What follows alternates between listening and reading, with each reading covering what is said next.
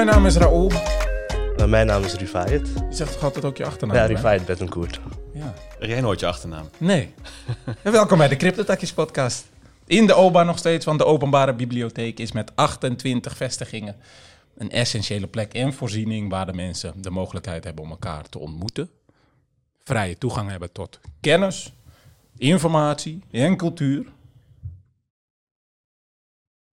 Deze podcast wordt trouwens ook mede mogelijk gemaakt door de, de... Bitfavo, de grootste exchange in Nederland. Yes, sir. En ook geregistreerd bij? Oh ja, de, de, de Nederlandse bank. Oh ja, dat moeten we natuurlijk niet vergeten. En vandaag zijn we niet alleen. Nee. En daarom zitten we ook naast elkaar, helaas. Ja, want jij was ook ziek geweest.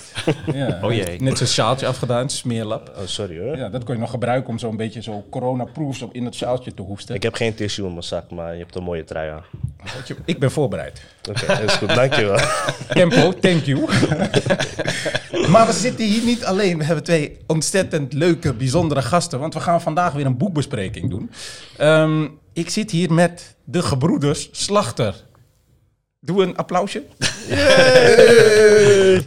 um, ja, bekende Bitcoin-duiders, zoals ze dat noemen. Um, ik denk de bekendste op dit moment van Nederland. Uh, maar ook tevens schrijver van het boek Ons geld is stuk, kapot. Um, en dat is leuk, want dat wilden we eigenlijk bespreken. Um, waarom is ons geld stuk? Maar vooral ook, waarom schrijf je daar een boek over? En hoe schrijf je dat boek? Mm -hmm. Heren, welkom. Thanks. Dankjewel. Ja, hoe was jullie week? Want wij bespreken eigenlijk altijd in de podcast eventjes heel kort hoe de week was. Dus ik ben heel benieuwd hoe jullie week er tot nu toe uit heeft gezien. En vooral de leuke dingen. Oh, Oké, dus we, we, moeten het niet te depressief maken. Nee, nee. Nou, dat komt goed uit, want we hebben qua prijs en zo, uh, als je kijkt naar de cryptomarkt, die komt weer een beetje in beweging. Dus we, we hebben juist een aantal maanden achter ons gelaten waarin er heel weinig gebeurde. Um, nou, en wij zitten er best wel diep in de cryptomarkt natuurlijk. Inderdaad, als duiders, maar ook gewoon aan de publieke kant van het spectrum, dingen uitleggen. Um, ja, en als je een periode hebt van maanden waarin er heel weinig gebeurt, dan kom je in een soort ritme terecht waarvan je denkt, dat zou wel lekker zijn als er weer een beetje show in die markt terechtkomt. Een beetje energie en een beetje vrolijkheid. En dat is de afgelopen twee weken. Dus wat dat betreft is de timing van de vraag heel goed. En we merken gelijk dat het ook wel weer heel veel drukte met zich meebrengt. Hè? Ja, journalisten die bellen, redacties. Mensen zeggen, joh, uh, de bitcoin is weer terug. Hè, zegt al zo'n journalist. ja, ja, ja. Uh, 40.000 dollar vertelde. Wat is er aan de hand? Wat gebeurt daar? Um, uh, maar ook um, ja, mensen die, wil je even op de radio wat komen vertellen. Dat soort dingen. Dat is hartstikke leuk, joh. Dus dat, is, dat, dat, dat kleurt ook voor een gedeelte onze week dan. Ja. Ja, jullie hebben hele andere journalisten gesproken. Want mijn moeder kijkt altijd naar het RTL-nieuws. En dan RTL Z zei die man, nou, uh, bitcoin is nog steeds niks. Dat is best wel ja. voor de beurs. ja. Maar ik ga jullie aanraden, wat wel interessant is... en dan vertelde hij iets over energiecontracten die je moest oh, kopen. Ik denk hij kwam met Solana dan. nee, nee, nee, nee, nee. nee. Dat zou overigens dat ook niks mis mee is. Toch om over dat zou echt, echt een leuk antwoord zijn. Maar uh, nee, die ging het uh, even een minuutje afkraken. En toen was van, oh, maar dit kunnen jullie wel kopen. Of dit is interessant. Oh, dus uh, ja. In plaats van bitcoin, iets anders, dit kunnen jullie wel kopen. Ja, ik ja. ben benieuwd met welke voorbeelden die dan kwam. Ik heb het niet onthouden, want ik, uh, ik raakte natuurlijk snel geïrriteerd. Ja, ja. en jij was ook ziek deze week, ja, hè? Ja, ik zei vorige week neem vitamines, slik je vitamine D. Maar uh, ik werd zondag helemaal snotterig wakker. Dus als ik een beetje snotterig klink, ja, sorry. Ja, het klinkt je hebt een, een mooie diepe stem nu. Ja, hè? Ja, ja, ik vind het juist een beetje nasaal klinken. Een beetje zo. Oh. Sorry hoor. Nou, misschien kunnen we dat met de postproductie een klein beetje recht trekken. Ja, ja, komt helemaal goed. Ik regel het wel. Oké, okay, oké. Okay. nou, ja, ga je nog vragen hoe mijn week was? Oh ja, hoe was jouw week? Ja, ja hè? Uh. dankjewel. Ja, ik heb echt een hele drukke week achter de rug. Echt, maar superleuk. Nicole, lieg ik? Nicole heeft de koptelefoon op. Leuke week achter de rug, toch? Ja. Ja. Waarom, waarom druk? Begin met maandag. Um, maandag uh, we zijn onderdeel geweest van een launchpad, Dutch New Narrative Lab. En um, daarin hebben we twaalf weken lang eigenlijk heel veel zitten nadenken over van, oh, wat gaan we nou doen met cryptotakkies? Moeten we een soort van pivoten? Um, moeten we een nieuw plan schrijven? Dus nu mochten we maandag bij Google dat gaan presenteren in het hoofdkantoor. Jullie wedergeboorte. Nou, ik zou het geen wedergeboorte willen noemen, want dan lijkt het alsof... Nou, misschien ook wel. Misschien is het wedergeboorte. maar ook met een andere naam, We Prepare, want dat is leuk, hè? internationaal, Engels. Misschien moeten we nog niet die kant op, maar we hebben het alvast bedacht. Um, want we willen jongeren dus voorbereiden op die toekomst van technologie. En uh, ja, hoe kun je dat nou beter doen dan, dan door dat begrijpelijk te maken? En dat willen wij doen door technologie zichtbaar te maken. Dus dat doen we met kunst. En het is leuk dat we nu van die AI-tools hebben die je daarbij kunnen helpen. Ehm, maar bijzonder om ja, dat te doen eigenlijk in dat kantoor. En zoveel leuke mensen en bedrijven dan uh, ja, te zien. Is jullie blikveld dan ook ruimer nu dan alleen maar crypto, crypto-takkies, maar meer technologie in uh, de breedte? Dat is het eigenlijk altijd geweest. Um, alleen ja, om dat naar buiten te pushen, dat crypto-narratief, dat was heel lang best wel ja, een soort van ja, beperkt tot alleen de muntjes. Dus dan dachten wij, nou, dat is makkelijk binnenkomen als we zeggen dat we het over de muntjes hebben. Maar ondertussen hebben we het tijdens de lessen over veel meer. Uh, dus vooral basisschool is leuk. Uh, we hebben het over crypto, maar eigenlijk beginnen we bij het begin van het internet. Mm -hmm. um, en dat vinden die leerlingen ook heel leuk. Maar goed, daar hadden we het dus maandag over. Uh, volgende dag, een dagje vrij. Oh, wat is de nieuwe naam? We Prepare. Oh, dat is de naam. Ja. We Prepare. Oh, Oké, okay, ja. leuk. Want dan kan je achterzetten We Prepare for the Future of Technology. Ja, precies. Dat kan je overal op toepassen ja. natuurlijk. We Prepare for the Future of Tech. We Prepare for Jobs. Ja. This, hè? Thought about cool. it. um, maar gisteren hebben we een echt superleuk etentje gehad met uh, founders en funders. Uh, ja, en dat... Dan kom je dus terecht in de wereld van VC's en investeerders. Ja. En ja, ik, een tijdje ben ik daarvan weggebleven, een soort van. Dat ik dacht, ja, weet je, toch wel wat vragen gehad van, oh, zou je het niet leuk vinden om een soort van tradingcursus op te zetten of van weet ik veel. En ja, heel lang gedacht, nou, weet het niet helemaal. En ook de richting. Maar nu... Nu is het grote geld binnen. We got it figured out. Nee, helemaal geen. maar wel leuk. En ik denk dat we daar in de volgende podcast uh, aflevering over gaan hebben. Zeg maar hoe die wereld, de visiewereld, hoe dat een beetje werkt. En wanneer ze wel en niet investeren. Maar waarom zat je daar dan? Um, daarom. één, relaties bouwen. Uh, want ik wil echt leren hoe dat werkt. Um, want er is niks vies aan geld. Maar ja, soms stinkt het wel een beetje, het geld. En ik wil weten wanneer het geld stinkt. Mm. Um, en daarvoor moet je denk ik de juiste relaties weten op te bouwen. Zodat je weet, nou, bij diegene ja, ruikt het fris, citroengeur, mint. En dan en kan je een, een, tipje van de sluier oplichten dan wanneer stinkt geld? Um, ja, maar buiten de microfoon om. nee, nou, ik denk, um, wanneer ik vind dat het stinkt, is als het puur en alleen over het financiële aspect gaat. Okay. En ik denk dat er genoeg visies zijn die zeggen, ja, weet je, die 10x is prima, dat willen we, maar dat hoeft niet per se binnen nu in twee jaar. Maar dus geld om meer geld te maken, dat, dat, dat is viesigs? Nee, niet altijd. Um, het, ik denk dat het in lijn en gepaard moet gaan met je bijdrage aan de maatschappij. En mm -hmm. als je dat kan doen als visie, dan denk ik dat je. In ja, precies. dus als het alleen geld is om meer geld te maken. Dus, ja, dan, ja, enkel en alleen. Ja, dan zou ik zeggen liever niet. Maar als je toch denkt van nou. nee, nee. Goeie pitch. anywho, anywho. Um, want we zitten hier nu dus bij uh, Accenture, superleuk. En waarom Accenture? Uh, Accenture maakt dus ook nieuwe technologie. En dat doen ze ook voor de toekomst. En ik zei ook tegen hen van...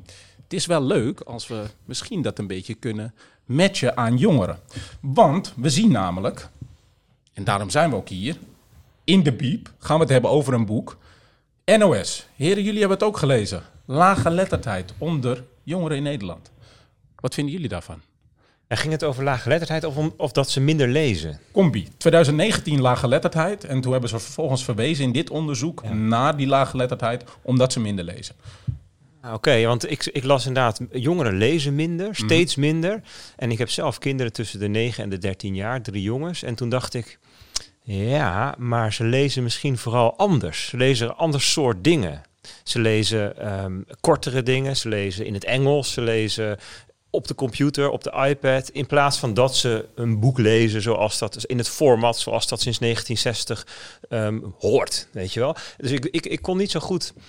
Ik, um, ik weet niet zo goed of het nou echt zo is dat jongeren minder lezen of dat ze vooral niet lezen zoals grote mensen dat graag willen zien. Ik weet niet hoe, hoe en de wat denk jij daarover? De maatstaf van lezen, toch? Van, uh, ik lees heel veel blogs, ik vind forums leuk ik kan urenlang op Reddit zitten zonder naar een plaatje te kijken of een filmpje te yeah, zien. dat bedoel ik. Maar um, soms, heel soms is een boek ook niet leuk dan. Ja, dus ik, ja, lezen is wel veranderd inderdaad. Wat is het? Uh, ik, ik, heb zelf ben ik niet diep in dat stuk gedoken. Ik, ik heb de headline lang zien komen, dus ik kan uh, me, me, iets voorstellen bij wat er uh, geschreven is. Maar wat is, wat is de kern van de problematiek die ze dan aankaarten? Um, nou, in het laatste stuk hadden ze het over een tekort aan leraren. En daarvan dacht ik ook ja, heeft dat echt te maken met die laaggeletterdheid? Misschien heeft het misschien ook te maken met de kwaliteit eh, van de leraren. Misschien de kwaliteit van het onderwijs zelf. Um, ik had niet voldoende tijd om het helemaal, om alle onderzoeken erbij te pakken. Maar ik vind wat jij ja, eigenlijk aankaart, vind ik wel een leuke, dat het anders is. Maar ik denk dat het wel ontzettend van belang is om juist wel te lezen. Ehm, en misschien ook wel hele lange stukken, omdat we vaak in verhalen, en dat zien we nu ook op het nieuws, context missen.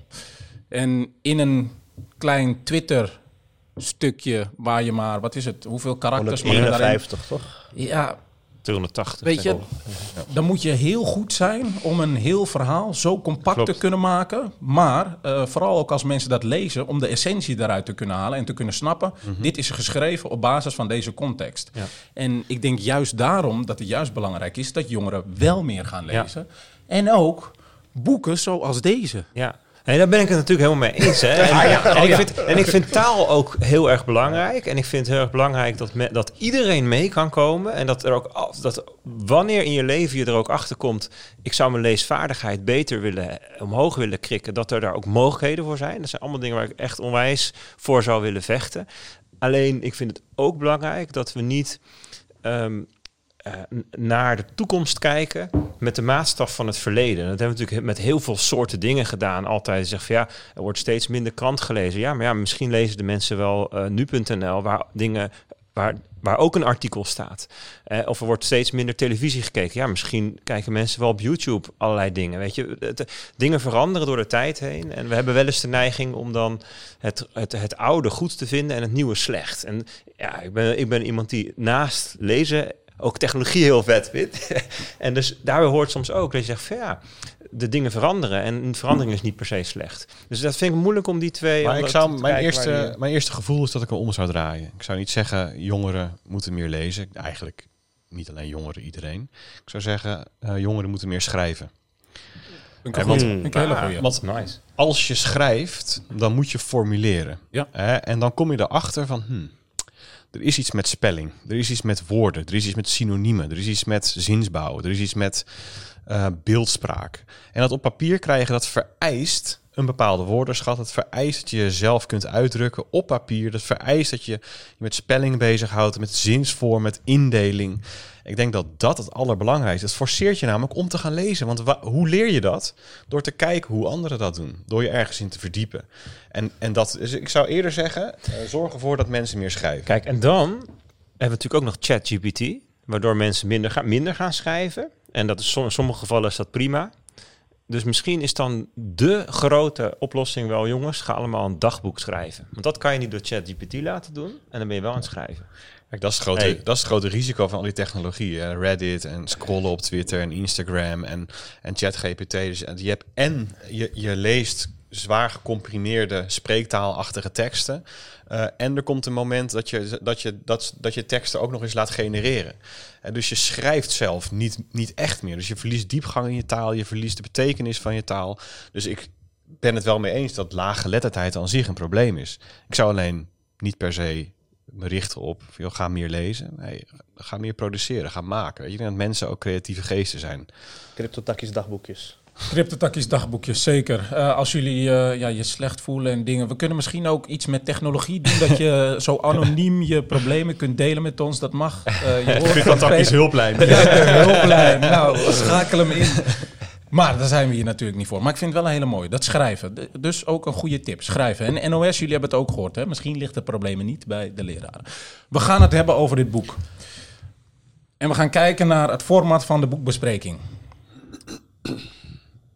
Laat het boek zien en vertel de titel van het boek. Wil jij dat doen? Oh ja, dat, dat, deed je vorige keer heel mooi. Dan liet je dat zo, zien. Ja, ja. Ja, Vertel de titel van het oh, boek. Ons geld is stuk. Is het een goede titel? Jazeker. Past deze titel bij het verhaal? Jazeker. Nou, heren, daar ben ik benieuwd. Nou, dan hebben we dan in ieder geval uh, twee sterretjes binnen. Ik zie dus, nog drie verzamelen. ik zie dus, want ik, ik keek naar uh, dat boek dan zie ik een blauwe kaft met een bubbel, met een euro munt erin. En een soort van bitcoin als speldenprik die de bubbel doet barsten. Blauw, bitcoin oranje. Waarom gekozen voor ja, eigenlijk deze image layout? Uh, Nou, we hebben het geschreven in 2021. Hè, en in de, de, de tijdsgeest van toen was een van de belangrijkste karikaturen die van, van bitcoin of van crypto werd gemaakt, is het is allemaal een bubbel. Allemaal niks anders dan een bubbel. De tulpenmanie werd het mee vergeleken. Hè? Dat in de glad was Babbely, babbely. De 16e eeuw werd er dan uh, een jaarsalaris voor een tulpenbol betaald. Weet je, dat verhaal. En toen dachten wij piramidespel. Hè? Dus dachten wij, weet je wat nou eens aardig is? Misschien is niet bitcoin de bubbel, maar misschien is de euro wel de bubbel. Is bitcoin misschien niet de bubbel, maar de, de speld die de bubbel laat barsten.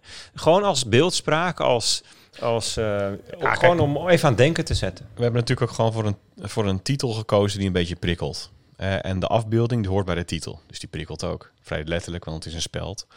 Uh, en en um, dat men zegt, hè, het, is, het is lucht, zegt men eigenlijk. Als, je, als iemand zegt van het is een bubbel, het is lucht. En, en dan krijg je al een beetje een beeld bij. Van dat, dat, is, dat, dat kan er vlug in, dat kan ook weer vlug uit. Dat heb je met een lekke band bijvoorbeeld ook. En dan is ineens je lucht weg. Dan is de waarde van je fiets ook een stuk meer. Maar hij fietst niet meer, weet je wel. Dan zou het geld het niet meer doen. Um, hè, en ja, de, die, die analogie, daar zit best wel op zich wat in. Want ik denk dat als je gaat kijken naar de waarde van bitcoin, dat een deel ook lucht en speculatief van aard is. De nuance die erbij zou moeten plaatsen is dat dat niet het enige is. Hè? En dat is denk ik waar de analogie mank gaat. Um, en hetzelfde, dezelfde redenering kan je toepassen op ons traditionele geld, op de euro.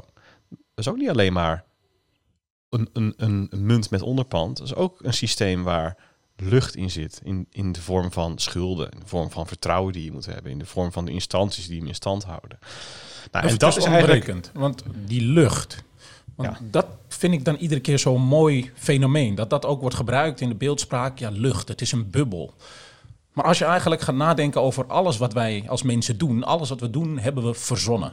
Mm -hmm. um, en dat kunnen we heel goed. Dus ja, wat, wat is die lucht dan? Wat houdt dat allemaal in?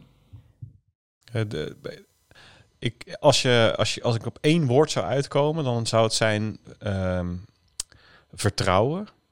Hè, dus um, wat, wat als vertrouwen zou verdwijnen? Hè, dus we hebben niet eens over bitcoin, gewoon de euro of de dollar. Hè, het geld dat we nu met z'n allen gebruiken.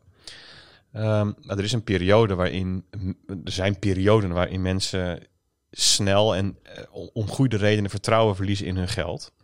Uh, en als we terugkijken in de geschiedenisboeken, noemen we die periode de periode van hyperinflatie. Dat betekent dat het geld heel snel heel veel minder waard wordt. Wat we ook nu nog steeds zien. Hè? Volgens mij uh, er is laatst een crypto-rapport uitgekomen. En toen, welke landen waren er, uh, zaten erin? Ah, Zimbabwe, Argentinië, Venezuela, Sri Lanka, zelfs Turkije, Turkije is meer dan 50 procent. Ja, ja. Dus er zijn heel veel. Libanon pas met de val van de regering. Meer dan 100 procent in een jaar. Dat betekent dat de waarde van je geld halveert. De koopkracht van je geld Dan kunnen ze volgens mij ook niet eens naar de bank gaan. Want ze mogen niet meer pinnen. Dus ja. er, gaan, er zijn mensen die regelmatig gewoon met granaten naar de bank gaan. En dan een soort van gijzeling. Hun eigen, eigendom komen opeisen. Ja, ja. en dan ja. echt de bank gijzelen voor, ja. om te kunnen pinnen om ziekenhuiskosten te betalen. En dat zijn allemaal middelen die een overheid dan inzet om het te stoppen, om te kijken van kunnen we nog op een of andere manier dit redden? Kunnen we het systeem weer herstellen? Dat is als het, als het vertrouwen eenmaal weg is, is ongelooflijk lastig. Ja, en zo, als, als zo'n kantelpunt bereikt is, ja, dan weet je niet wat je overkomt. Dan, dan kan het zomaar in dagen, weken zo zijn dat het geld wat je een paar, paar maanden geleden nog vertrouwde en gewoon gebruikte met z'n allen ineens onbruikbaar is. En dat je gaat zoeken naar andere manieren om maar spullen te gaan ruilen. En dat zie je in perioden van hyperinflatie duidelijk terugkomen. En dat kan ook gewoon in het Westen gebeuren. Dat kan ook gewoon bij ons gebeuren. En dan zijn, is daar een aanleiding voor. En die aanleiding is misschien niet leuk. En, niet, en, en daar wil je misschien ook helemaal niet over nadenken. Het, toen het in Duitsland gebeurde, vroeger. En dan ging er een oorlog aan vooraf bijvoorbeeld. Ja, dus nie, niemand zit erop te wachten. En maar uiteindelijk leidt het wel tot een periode waarin mensen massaal het vertrouwen verliezen in het functioneren van het geld. Er zitten alle, allerlei mechanieken achter. Um, waar we niet, verder niet op in hoeven te gaan, want dan wordt het heel economisch en theoretisch en zo. Nou, dat wil maar, ik dus eigenlijk wel. En dan een, een beetje kort, um, zodat de mensen ook snappen waarom jullie gekozen hebben voor deze titel. Ons geld is stuk. Je geeft net aan een voorbeeld hyperinflatie. Dus eigenlijk dat je met je geld niet meer kunt kopen wat je het jaar daarvoor of het jaar daarvoor uh, kon kopen. Ja. Uh, eventjes uh, gechargeerd. Um, maar mensen vergeten daarbij vaak dat dat te maken heeft met een soort van systeem. En dat geld, nou, dat dat gekoppeld is aan elkaar. Aan de verschillende munten in het buitenland. En dat kan een vaste koppeling zijn, ja. maar dat kan ook een koppeling zijn die zweeft. Wat is die invloed daarvan, van het geldsysteem, op bijvoorbeeld de euro? Ja, misschien moeten we ietsjes uitzoomen hè, en even ons realiseren dat wij in Nederland het ontzettend goed hebben wat dit betreft. Ja. Dus we hebben beste betaalinfrastructuur ter wereld ongeveer. Hè, met uh, tikkies en contactloos betalen en ideal, noem het maar op. We hebben een stabiele munt. De euro is ten opzichte van alle andere munten in de wereld een van de stabielste. Zit in de top 10 of zo, weet je wel. Het Zwitserse frank, de dollar zit daar ook. Um, we hebben een functionerende rechtsstaat. We hebben een betrouwbare overheid. In ieder geval wereldwijd. Hè. Je kunt er wel dingen van vinden, maar vergelijk het maar eens met een hele hoop andere landen. En dan zeggen mensen hier, ons geld is niet stuk. Um, en dat begrijp ik ook wel. Hè? Maar ga je, ga je naar de 8 miljard mensen in de wereld kijken, dan geldt dat voor veel meer dan de helft, voor miljarden mensen niet. Het aantal mensen wat daadwerkelijk te maken heeft met nou ja, meer dan 40, 50 procent inflatie. Mensen die in een totalitair regime leven, hè, waarbij een dictator of een autocraat kan besluiten om jouw toegang tot het geldsysteem af te sluiten of je te cancelen, je te censureren omdat jouw mening niet in lijn is met wat de overheid wil. Omdat je bijvoorbeeld demonstreert voor vrouwenrechten of voor homorechten. Dat, dat gebeurt in allerlei landen in de wereld. En dus dat, dat soort fenomenen zijn allerlei plekken in de wereld. Um, waarbij, en dit is dan vrij fundamenteel, maar ook praktisch. Er zijn allerlei landen waar gewoon meer dan de helft van de bevolking geen toegang heeft tot digitaal geld, tot betaalsystemen. Uh, of um, um, uh, nou ja, weet je, waar, waar, waar, waar, het, praktisch het geld lastig gebruikbaar is. En dat is een van de blikvelden op ons geldstuk. En je zegt van ja, um, voor miljarden mensen functioneert het geld gewoon in de dagelijkse praktijk niet. En die mensen zijn op zoek naar een andere manier om elkaar te betalen, om waarde de toekomst in te verplaatsen. Hè? Dus om, om, om iets wat ze verdiend hebben te zorgen dat ze vandaag verdiend hebben, dat ze dat over een jaar of over tien jaar nog steeds die koopkracht hebben bewaard. Dat je kunt sparen. van je productiviteit. Dat, exactly. dat is wat geld is. Exactly. Ja, dat je dat kunt bewaren de toekomst in. Of dat je geld kunt versturen over de wereld. Er zijn namelijk 200 miljoen mensen die in het buitenland werken om hun gezin te onderhouden. Wauw. Ja, die werken dus. Een, op, ja, we hebben dat bijvoorbeeld gezien in, met, het, met voetbal toen hè, in, in Qatar. Ja, die mensen die kwamen uit Nepal of weet ik veel, Pakistan, die gingen daar werken. Stuurden geld naar hun familie. Je, dat soort vraagstukken gaan mensen op zoek naar alternatieven. Ja, dan kom je, die mensen komen uit zichzelf bijvoorbeeld bij allerlei uh, crypto-oplossingen uit. En dan schetsen jullie een aantal van die voorbeelden ook in het boek. Uh, volgens mij een viertal. Dus iemand die uit Venezuela komt, volgens mij. Iemand die uit China komt. Iemand uit Nigeria. Um, wat zijn daarin de verschillen en wat maakt crypto nou zo functioneel in die nieuwe wereld? Of misschien zelfs de huidige wereld waar we nu in zitten. Vanuit die vier verschillende blikken. Ja, dat zijn allemaal manieren om hetzelfde thema te belichten. dus uh, een ander perspectief op hoe ons geldstuk is, gaat over analoog versus digitaal. dus uh, het, het, geld, de euro, dat is eigenlijk een analoge munt. En die hebben we gedigitaliseerd. Maar echt digitaal is het niet. Hij is niet digitaal geboren zoals een bitcoin of een crypto token dat is. Je kunt niet net zoals, een, uh, zoals wij foto's onderling kunnen uitwisselen, vliegensvlug, direct, uh, via het internet. En dat zou ook kunnen als je aan de andere kant van de wereld zit. Daar hoef je niet lang op te wachten. Ja, dat is lastig met een eurotje. Maar dat kan met, met hè, een, een, een, een, digital currency kan dat wel heel eenvoudig. Dat is ook een manier, een perspectief op hoe het stuk is. En dan heb je nog het perspectief van mensenrechten bijvoorbeeld. En dan gaat het over de voorbeelden die jij noemt. En dan gaat het over mensen die op, om een reden best wel zwaar in de penarie, in de knel zijn gekomen.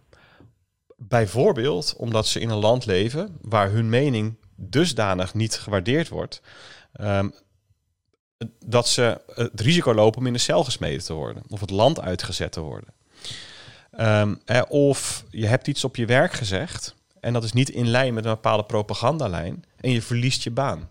En dat gaat dus over toegang. Het gaat over, over mensenrechten, over basisrechten die je hebt. En het kunnen gebruiken van je geld, het recht op het kunnen doen van een transactie, is inmiddels gewoon daar onderdeel van.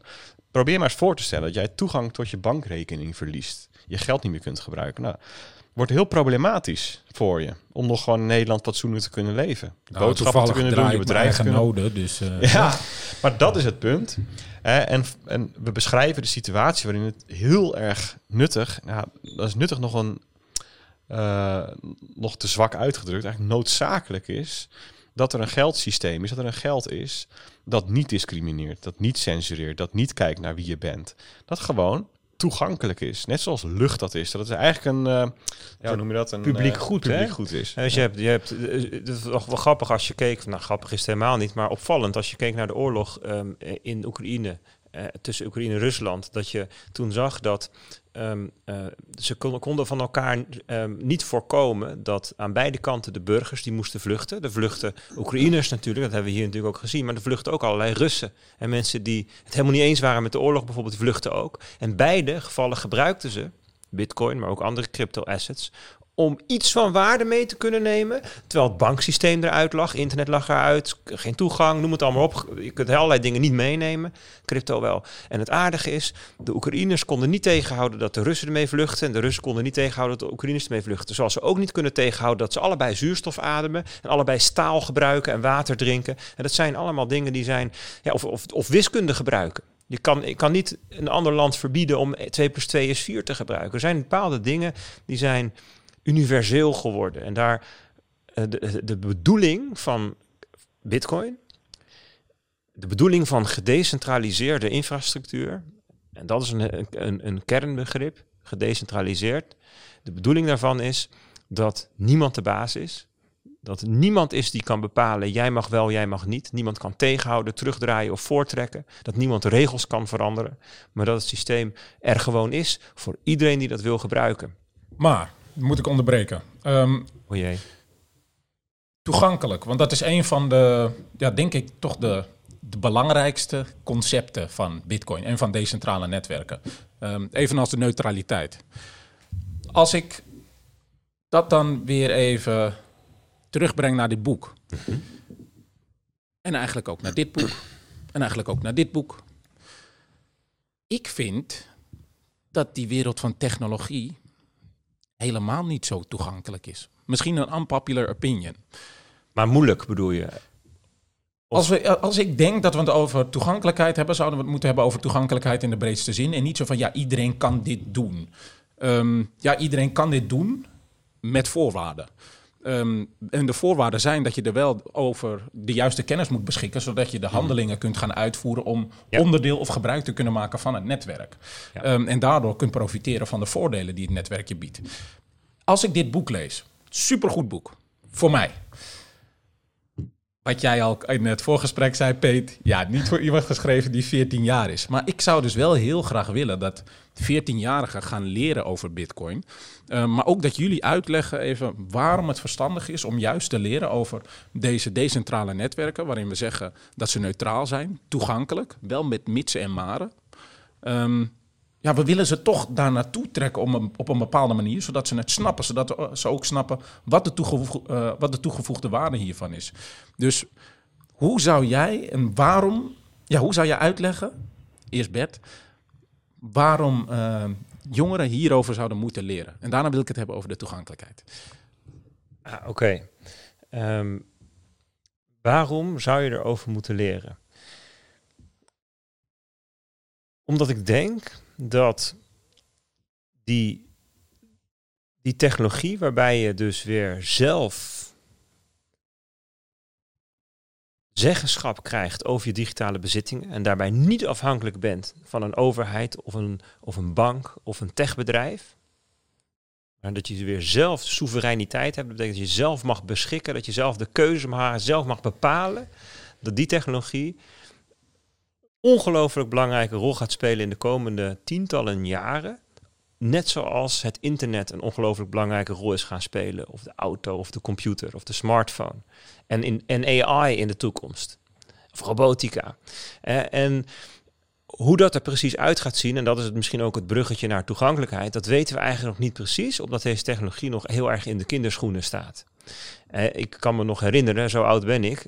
Uh, als ik mijn baard iets langer laat worden, zie je grijze haren. Zie ze nou ook Zie ze nou, ja, was, ik bang voor. Dat wou ik ook niet zeggen. Maar ja, is die alweer zo lang. Maar in de jaren negentig, toen, um, toen het internet in Nederland kwam, 1993 was de eerste particuliere internetprovider. Toen was het ook heel erg ingewikkeld om op het internet in te bellen. Als er dan één instellingetje fout stond, dan deed hij het niet, weet je wel. En als dan was je iets aan het downloaden en dan pakte je, je, je moeder die pakte dan de telefoon om iemand te bellen, dan was je internetverbinding weg, kon je weer opnieuw beginnen. Weet je wel, dat soort dingen hebben we nu geen last meer van. Je hebt telefoon en doet het gewoon. En daar zit natuurlijk 30 jaar tussen. Um, en dat is denk ik wel ook het perspectief wat, wat, wat, wat we hierop moeten hebben. Hè? Van je moet bitcoin of, of de decentrale technologie niet alleen maar beoordelen naar wat het nu is of nu al kan, maar ook naar de potentie die het heeft. En dat geduld. Um, ja, want dat is ook iets van deze tijd, dat de jongeren steeds leren. Hey, er komt een nieuwe applicatie, hey, het werkt sneller, hey, ik kan nu dit doen. Hey, er komt misschien zelfs een nieuwe bitcoin. Mm Want dat hoor je ook regelmatig. Um, ja. En dat is, het, dat is ook het, het, het ingewikkelde aan dit onderwerp, want je hebt het enerzijds over technologie. Dus de, een technologie dat is iets wat iets mogelijk maakt, wat een bepaalde toepassing mogelijk maakt, waarvan je kunt zeggen, uh, waarvan je kunt kiezen neem ik het een of het ander. Je kunt kiezen uit alternatieven. Als ik um, um, vervoer zoek, dan kan ik met, met openbaar vervoer, met de fiets. Ik kan met een elektrische auto of met een benzineauto. En de keuze die ik maak hangt af van de, de, alternatieven die ik heb en alle eigenschappen die ze hebben. Zo kijken we vaak naar technologie. En je kiest vaak voor datgene wat het makkelijkst, snelst, leukst, goedkoopst handigst, whatever is. Je hebt daar, kijk daarnaar. En dat zal ook gelden voor allerlei toepassingen van cryptotechnologie. Dus een van de, ik denk de toepassing die als eerste gewoon beter is dan alternatieven, is stablecoins. Gewoon digitale dollars. Er zijn wereldwijd gewoon ongelooflijk veel mensen die heel graag digitale dollars willen. En crypto biedt dat ze. En die mensen die zullen in de komende jaren massaal dingen gaan doen met digitale dollars. Zonder dat ze doorhebben dat het per se crypto daaronder ligt. Maar het werkt gewoon. Ze hebben een app en het doet wat ze willen. Namelijk ze kunnen ermee betalen en sparen en het de wereld oversturen. En het lost allemaal problemen op die ze op een andere manier niet kunnen oplossen. En dat is wat technologie doet op een gegeven moment. Maar, maar bitcoin en crypto is niet alleen maar die technologie. Het is ook een belegging. Want om die technologie te laten werken, om, om iets decentraal te laten zijn, is er nu eenmaal iets van een munt nodig. En jullie leggen dus in het boek ook de link tussen, nou ja, ik ga het nu eventjes hebben over dat economische aspect, um, tussen de economie en Bitcoin. Vaak hebben jullie het over macro-economische events, dingen die er gebeuren op hele grote schaal. Um, vertel daar eens even kort iets over, over hoe jullie dat beschrijven in dat boek en ook vooral waarom.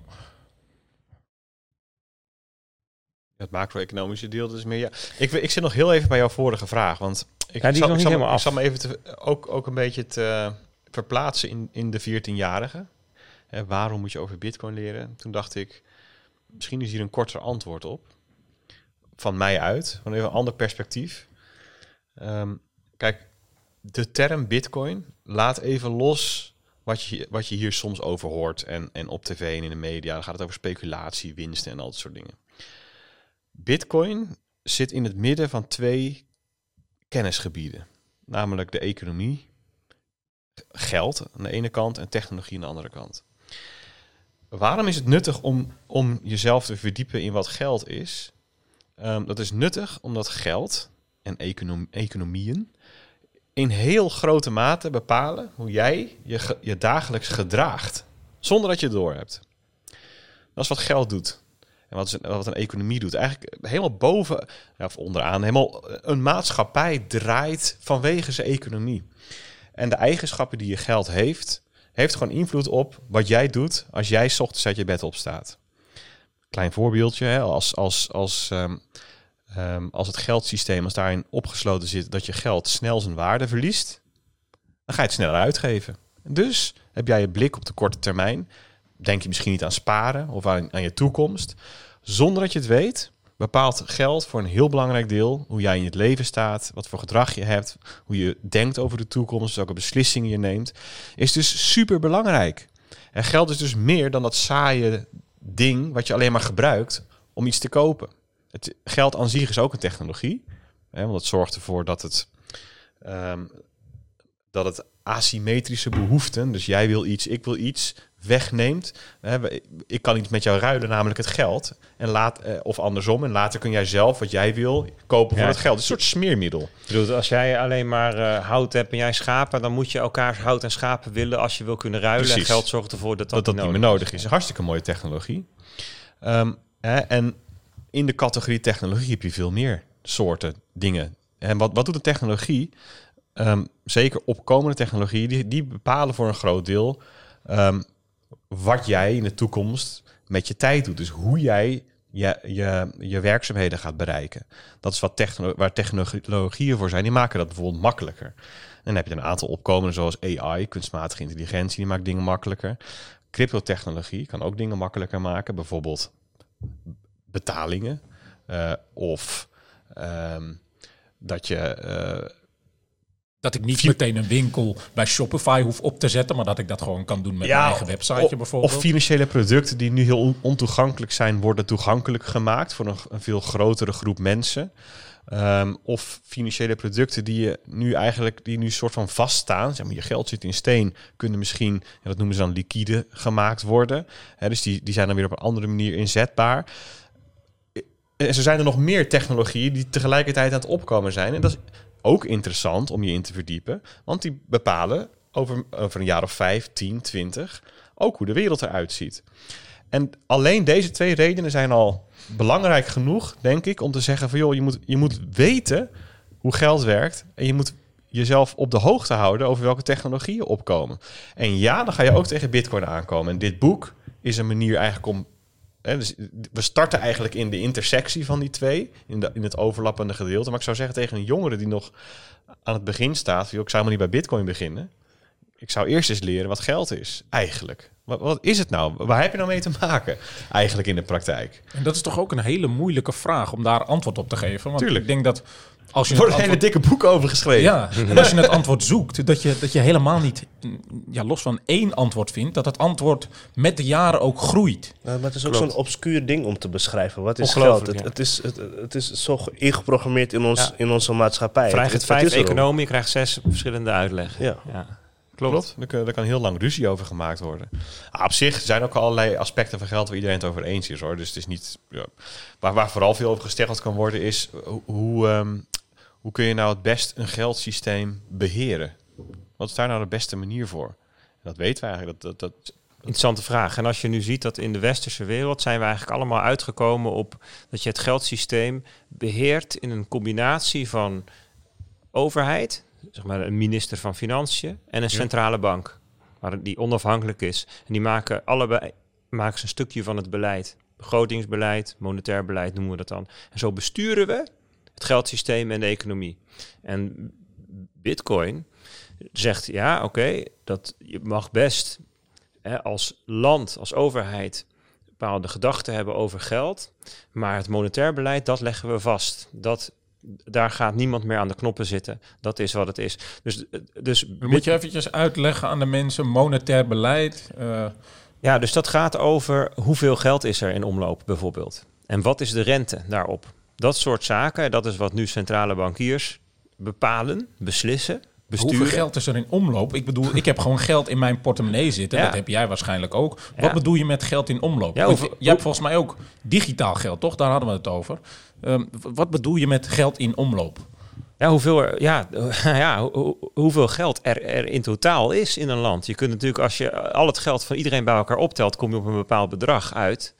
En op het moment dat jij zegt van nou, ik ga zorgen dat meer, dat, dat meer mensen een lening nemen bijvoorbeeld, dan ontstaat daar geld en dan is er meer geld. als je zegt van nou, ik ga ervoor zorgen dat lenen heel erg duur is, dan wordt er minder geleend of dan gaan mensen een lening afbetalen en dan is er daarna minder geld. Dus op die manier proberen ze ja, de, de, bepaalde, uh, bepaalde eigenschappen van geld, hè, bijvoorbeeld um, hoe snel verliest het zijn waarde, Hè, hoeveel rente krijg je als je spaart? Hoeveel rente kost het als je leent?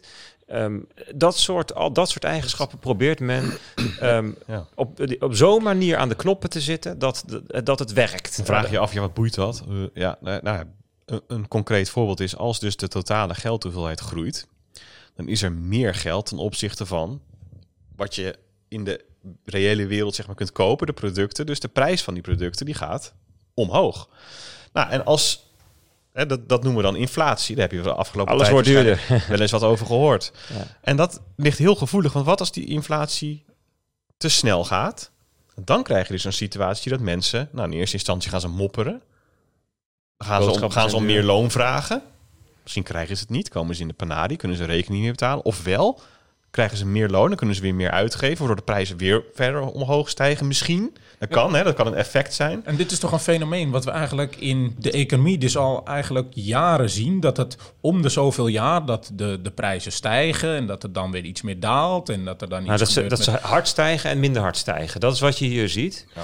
Een soort van cyclusachtig. Ja, een soort van cyclus.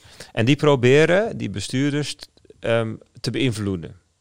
Hè? En um, het alternatief daarop is de manier waarop er vanuit de bitcoiners naar gekeken wordt van nee, maar je moet eigenlijk dat soort dingen gewoon vastleggen, zodat niemand dat kan um, ook misbruiken.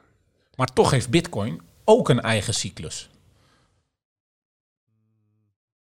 Nou, ik, ik, er zijn denk ik twee dingen die je, die je daaronder kunt scharen. Dus um, Bitcoin heeft ook monetair beleid in de zin van dat vast ligt in de broncode hoeveel nieuwe bitcoins er over tijd worden uitgegeven. Dat zou je kunnen zien als de centrale bank, uh, het centrale bankcomponent van Bitcoin. Ja, en even over de uitgifte. Kun je dat even kort uitleggen hoe dat werkt met miners die wat doen? Jij weet het al lang, hoor ik. Ja, maar dit is toch ook voor de luisteraar die het leuk vindt? Hallo. We hebben toch niet toch wel de, de schrijvers uh, hier zitten. Leg uit. Nou, er zijn 21 miljoen bitcoins. Ja. Die zijn er eigenlijk al vanaf het allereerste moment. Satoshi Nakamoto, dat is de bedenker, de uitvinder, die heeft bedacht er zijn 21 miljoen bitcoins. En op het allereerste moment dat het begon waren er nog nul van in omloop. En hij heeft bedacht, ik ga een hele slimme manier, ga ik ze allemaal in omloop brengen. Namelijk elke vier jaar wordt de helft in omloop gebracht van wat er nog niet in omloop is. Dus de eerste vier jaar werd er vanaf de, van de 21 miljoen werden er 10,5 in omloop gebracht. Tweede vier jaar 5,25 miljoen. En zo wordt elke vier jaar wordt er weer een stukje, de helft van wat er nog over is, in omloop gebracht. En je ziet al dat in omloop brengen dat gebeurt via de miners. Die krijgen dat als beloning, als subsidie voor hun werk. Wat doen zij nou? Nou, wat zij doen is ervoor zorgen dat de regels kloppen, worden nageleefd, dat niemand kan vals spelen. dat iedereen zich netjes gedraagt. Ze beveiligen met andere woorden het netwerk. En um, ja, die beloning, beloning voor de miners neemt dus over de tijd af. En, en dat is zo. Het, aardige van deze constructie is dat het er dus nooit meer dan 21 miljoen zullen worden. Dus Nakamoto had ook kunnen kiezen voor elk jaar worden er een miljoen in omloop gebracht. En dan krijg je dus oneindig lang elk jaar een miljoen. Maar hij heeft dus bedacht, dat was ja, ja, hij heeft niet eens per se beschreven waarom hij dat heeft bedacht. Maar hij heeft bedacht om dat uiteindelijk dus naar nul te laten gaan, wat er wat er elk jaar bij komt. En dat zorgt ervoor dat Bitcoin een beetje lijkt op goud. Want goud is ook de hoeveelheid die er elk jaar bij komt aan goud. Dus als je kijkt van nou, hoeveel goud is er nou in de wereld op dit moment en hoeveel komt er elk jaar bij, is ongeveer 2% van wat er is. Ja, dus heel erg lastig om daar 10% van te maken. Dus het is gewoon heel veel werk om goud uit de grond te halen.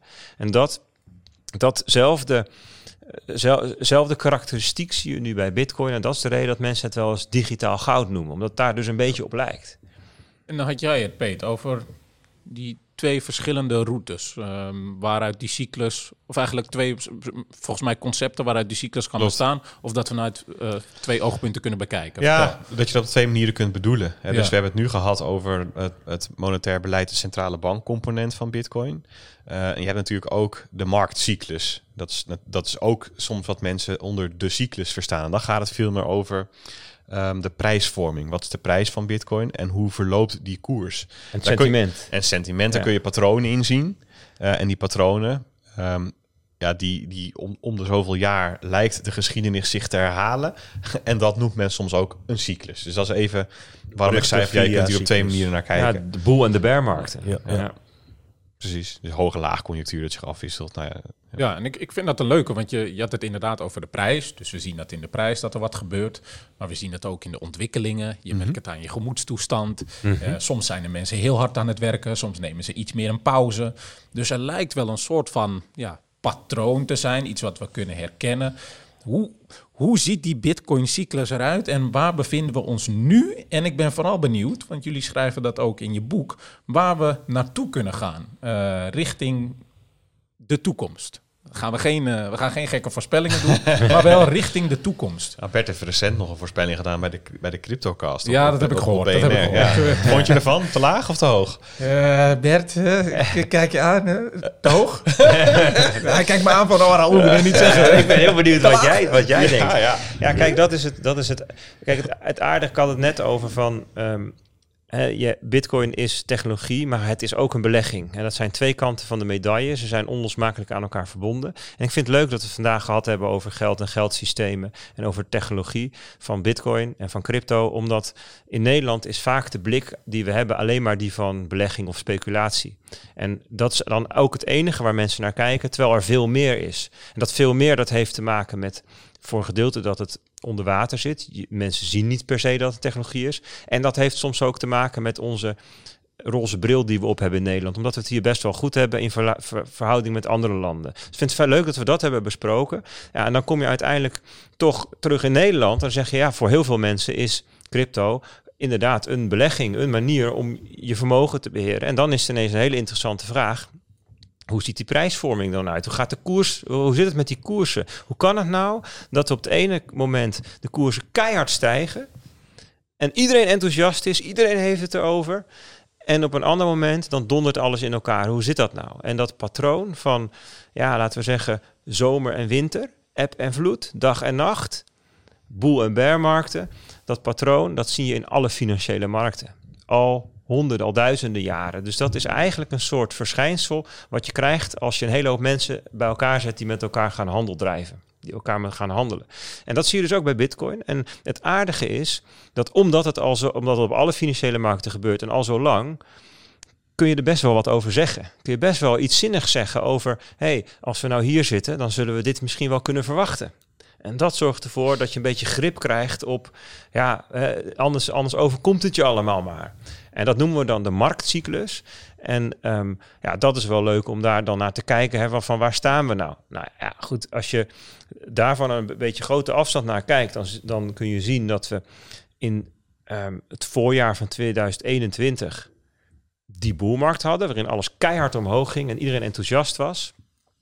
En dat we in, laten we zeggen, eind 2022 het dieptepunt hadden te pakken hadden. Oh, wat een pijn. En, en, het, was niet, en het was niet alleen maar de prijs, maar het was ook het sentiment. Iedereen was verdrietig, boos, gefrustreerd. Weet ook.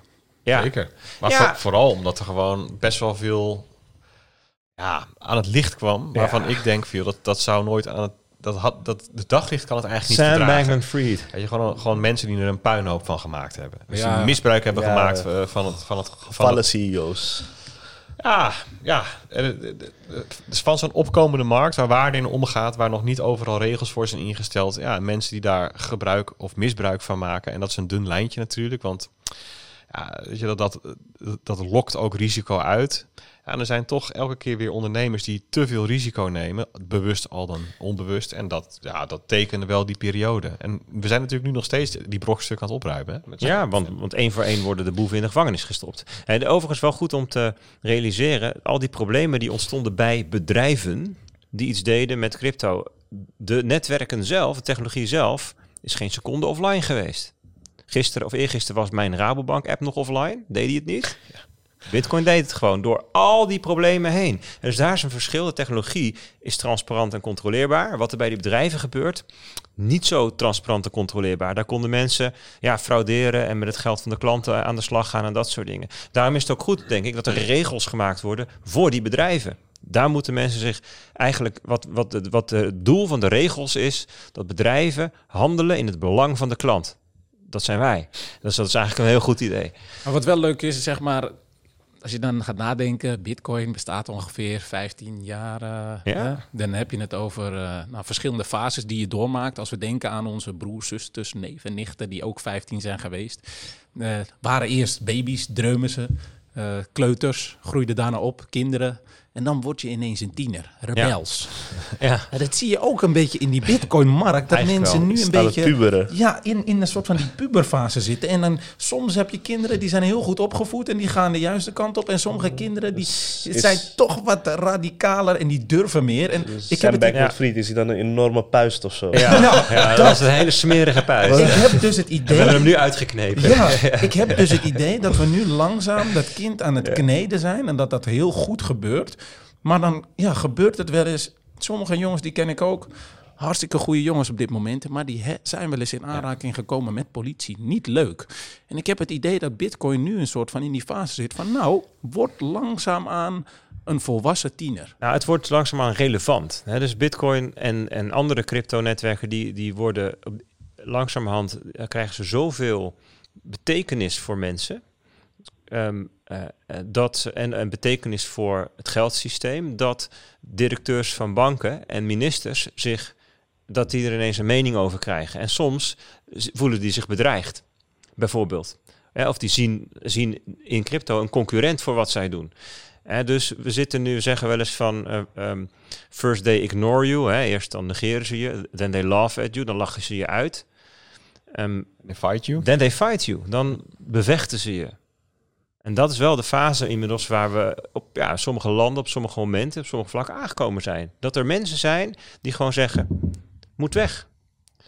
Elizabeth Warren, dat is een senator in de Verenigde Staten, die heeft een, een anti-crypto-leger gebouwd. Met allemaal mensen die, die, die crypto ook stom vinden. En ze doet alles, inclusief allerlei leugens verkondigen, om ervoor te zorgen dat het een slechte naam krijgt. Ja, dat, zijn, dat is wel de... Ja, of andersom de status quo beschermen. En daar is op zich wat voor te zeggen.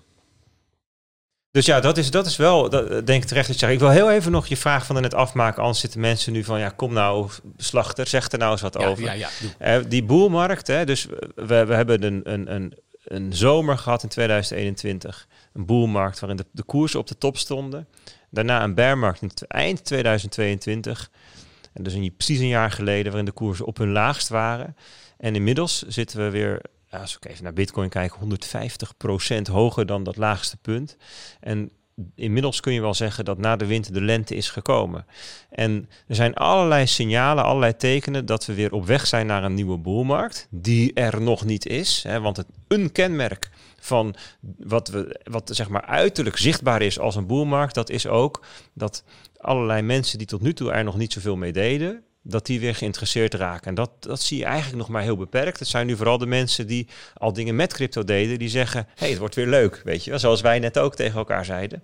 Maar wie bepaalt dat dan? Of dat een kenmerk is? Ik ben dus heel benieuwd, want er zijn, uh, ja, nou ik ga niet zeggen dat ik tientallen analisten volg, maar wel een stuk of 18. Uh, eh, gewoon om te checken, hey, wat zegt die, wat zegt die, wat zegt die. En het is hartstikke leuk. En uh, nou, het merendeel, en dat weet jij ook, die zeggen de boelmarkt is al lang begonnen.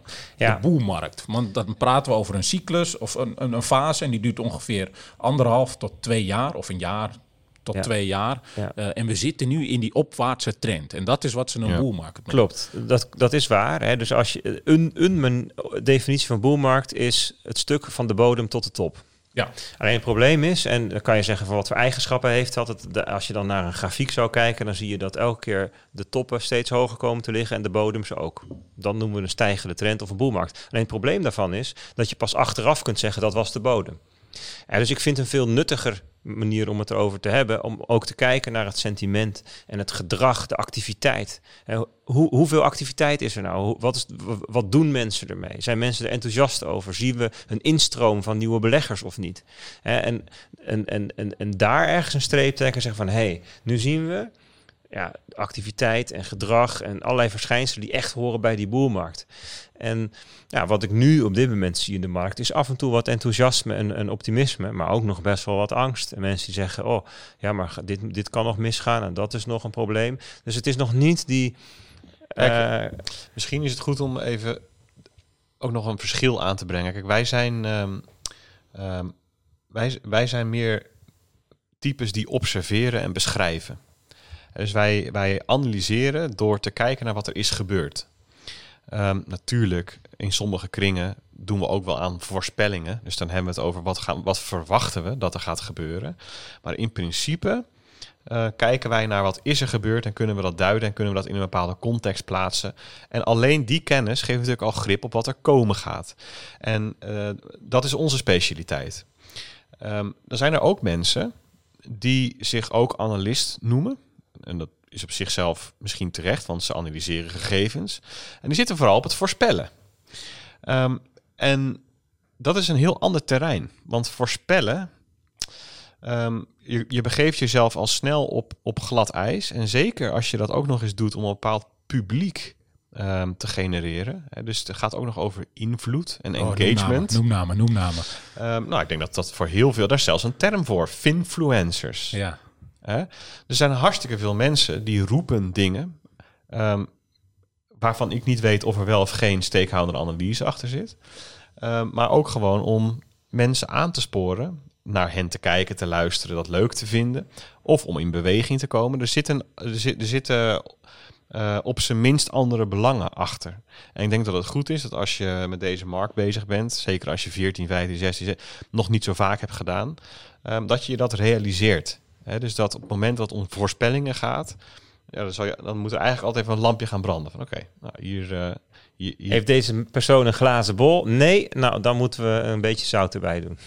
En ik denk dat we best wel veel stukken van Bitcoin ja, eigenlijk uh, toch dat we dat af zijn gegaan. En ook dingen die besproken worden in het boek.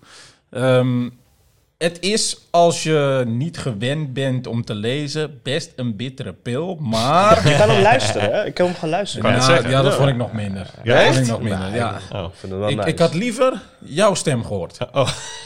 als ik heel eerlijk ben. Ik, ik zal ze de feedback teruggeven. Ja, ja.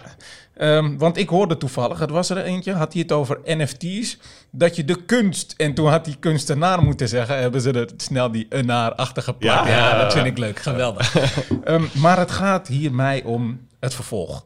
Uh, want ik denk dat, uh, ja, net zoals ik, uh, ook de luisteraars die uren naar kunnen luisteren, naar hoe jullie dit doen. Maar jullie hebben hier ook over geschreven en dat is vooral wat ik juist zou aanmoedigen van lees dat boek even door. Um, want dan worden de praatjes die ze geven ook begrijpelijker. En je kan het ook samen met de podcast uh, doen. Dat je even toe, uh, af en toe dat boek doorbladert.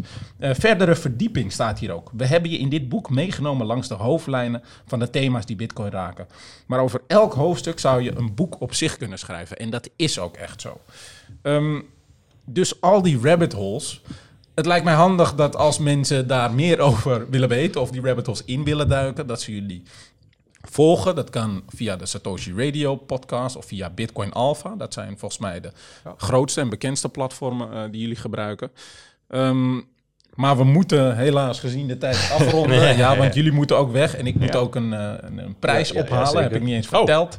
Ja, um, maar dat is voor een volgende episode. Oh. maar wacht, hebben we nog even tijd voor een snelle coin fashion? Ja, doe maar, doe maar. Snel. Um, we doen het altijd. Uh, aan het einde van de aflevering bespreken we een coin fashion. Dus een, een, een confessie die, die gerelateerd is aan bitcoin of crypto. Het mag een grappige zijn. Hebben jullie eentje die jullie willen delen? Jullie durven te delen. Waar je een beetje voor schaamt dat dat gebeurd is. Maar, hoe noemde je het nou? Een coin fashion. fashion? Een coin fashion. Als in confession, oh. maar een coin fashion. Ah. Poeh. En wat voor soort dingen eh, denk je? Ja, waar je een die klein je gemaakt. Dingen die, uh, ja, of waar mensen een wijze les uit kunnen halen. Schamen wij ons ergens voor? wij, hebben, wij kennen geen schaamte. Ja, misschien is dat dus wel een probleem. ja, dat is wel een probleem, ja. Ja, het is niet zo. Ja, wij zijn wat dat betreft vrij saai. We hebben nooit echt hele grote blunders begaan of zo met het gebruiken van cryptovaluta of. Uh, ja, nee. Dus, ja, ik vind het een goede vraag, maar daar had ik even over na moeten denken van tevoren. Dan ga ik hem vertellen. Wat, wat, oh. wat onze coin fashion had moeten zijn. Ja, nee, ik heb, ik heb zelf een coin fashion. Ja, ik had dus ooit, uh, volgens mij was het 2000, uh, 2020 of 2021, was er een, uh, ja, een kennis en die zei, ja Raoul, ik heb wat gevonden, een projectje, hier moet je aan meedoen. En ik dacht, ja, boeien. Ik doe er gewoon aan mee. Niet gekeken, niet gelezen, helemaal niks. Terwijl ik altijd zeg, oh, lees alles door. Nou, geld erin gestopt. Volgens mij was het iets van 700 euro. Alles weg. Dit was een van de grootste scams. Het was die DAO-periode. Weet jullie dat nog? Mhm. nou, dat ging als een tierenlier omhoog. En toen dacht ik ook van, nou ja, prima, weet je wel. Eh, en ik keek er een keer naar en toen dacht ik, oh ja, gaat goed. Half jaar later, weer naar gekeken. 0 cent. 0,000. Dus Spreek je die persoonlijk? ja, maar ik heb ook gezegd, Zit hij naast je moet mij nooit meer hebben. Nee, nee, nee, hij ik was het niet, ik was het niet, ik was het niet. Ah, Weet je, eh, genoeg. Ik heb het verteld. eh, ik schaam me er wel voor. Ehm, Maar is goed, is goed dat mensen dat weten van je moet niet van iedereen advies aannemen. nee, dus Doe ook je- niet, zelfs je- niet van de gebroeders. Nee, Zeker jawel. niet. Nee. Doe je Ehm, eigen onderzoek. Heren, ontzettend bedankt. En hopelijk tot een volgende keer. Ehm, ja, leuk. Willen jullie een, eh, nog een afsluiting, een slotwoord? Ja, kan je naar mij kijken, maar Nee, eigenlijk niet. Oké, nou, dan zijn, we, dan zijn we klaar. We out. Tot de volgende. Ciao, ciao. Doei.